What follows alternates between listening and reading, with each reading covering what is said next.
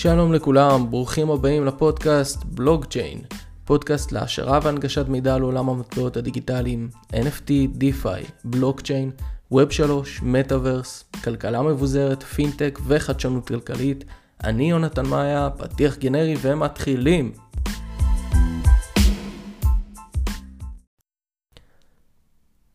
לפני שאנחנו מתחילים לדבר על ארנק דיגיטלי, אני אציין ואגיד שההתקדמות של הפודקאסט היא מעט איטית, בעיקר כי אני רוצה לוודא שכל מה שאני אומר לכם מאומת ונכון. גיליתם פערים? יש לכם שאלות? סתם ביקורת בונה? אשמח לשמוע מכם באינסטגרם, בטוויטר, בוואטסאפ. אז כן, הפרק אנחנו נדבר על ארנק קריפטוגרפי, ארנק דיגיטלי. מעט שונה מהארנק שיש לכם בכיס. טוב, נו, אה, הרבה יותר שונה.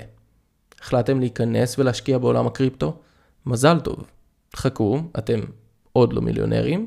הלכתם לאחד הברוקרים או בורסות המסחר, כמו למשל Coinbase או Binance, וקניתם ביטקוין, ואתם צריכים להפקיד אותו במקום בטוח.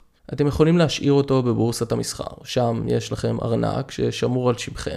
אבל אם הפקדתם את המטבעות בבורסה, המטבעות שייכים לבורסה. אם יש פריצה לבורסה, המטבעות שלכם בסכנה גבוהה. לכן אם אתם רוצים מקום יותר בטוח, אז תתקינו ארנק חם על המחשב.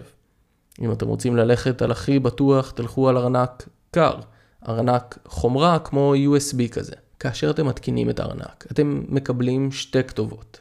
אחת כתובת פרטית והשנייה כתובת פומבית. הכתובת הפרטית מכילה 12 ולפעמים 24 מילים שלאחר קסמי הקריפטוגרפיה. תקבלו את אותם מילים בצורה מוצפנת ובתור קוד.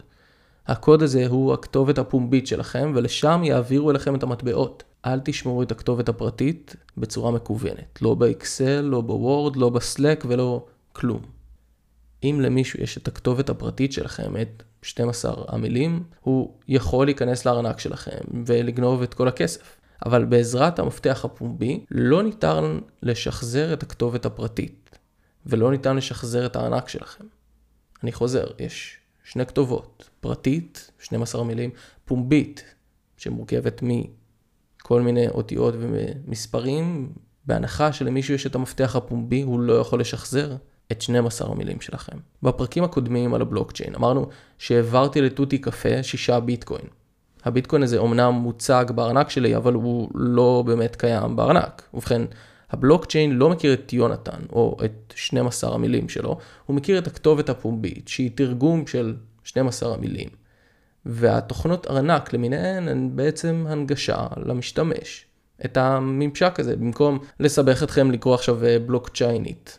זה בדיוק כמו חשבון הבנק שלכם, שיש לו מספר בסניף מסוים, ובמחשב אתם רואים רק מספרים. מקווה שהם לא במינוס. שמציגים לכם את היתרה בחשבון, הכסף, תכלס, לא שלכם, כאילו שלכם, אבל נניח באירוע של ברבור שחור, כנראה שלא תוכלו למשוך את הכסף. הבנק גם מתכנן על זה שלא תמשכו אותו, והוא מלווה אותו הלאה. איזה קטע, ואתם לא מקבלים מזה שקל. אז הממשק הזה במחשב של הארנק הדיגיטלי שלכם זה נקרא ארנק חם. למה חם? כי הוא מחובר תמיד לרשת האינטרנט. ארנק קר לעומת זאת מנותק מהרשת, ורק כשאתם רוצים להעביר כסף אתם מחברים אותו למחשב, מאשרים פיזית את הפעולה ומנתקים. דיברנו על כך שיש מטבעות עם בלוקצ'יין משלהם ומטבעות שמסתמכים על בלוקצ'יין של מטבע אחר. כל מטבע שלא בלוקצ'יין עצמאי משלו, יגיע עם ארנק משלו שידע לתקשר עם הבלוקצ'יין. זה קצת מכריח אתכם לנהל ולשלוט בכמה ארנקים במקביל, אבל זה בדיוק אותו דבר כמו שיהיה לכם חשבון מטח בדולרים וביורו. מה שמביא אותי לדבר הבא, מולטי וולט. ארנק רב שימושים. כבר הבנתם לבד, אני בטח לא צריך להסביר, ארנק שיכול להתממשק עם כמה בלוקצ'יינים במקביל, וכך תצטרכו לעשות סדר במקום אחד. הבעיה שהטכנולוגיה הזאת עדיין בחיתולים, ואף אחד לא רוצה להיות שפן הניסיונות. עדיין, ארנק חם נפוץ הוא אקסודוס או מטאמאסק, וארנק קר הוא לג'ר, אבל ישנם עוד הרבה ארנקים וכל אחד עם יתרונות וחסרונות אחרים. אז למה אתם צריכים ארנק? בשביל לקנות ולהחליף מטבעות, לשמור את ה-NFT שלכם, להתממשק עם אפליקציות מבוזרות ופלטפורמות DeFi, להיכנס לדפדפן הארנק ולהתחבר לעולם ה-Web 3. נשמע על זה עוד בפרק 9, והכי חשוב, בשביל להתחיל לבנות את הייצוג הדיגיטלי שלכם.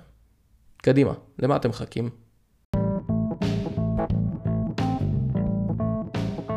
תודה רבה. אני הייתי יונתן מאיה, אתם האזנתם לבלוגצ'יין.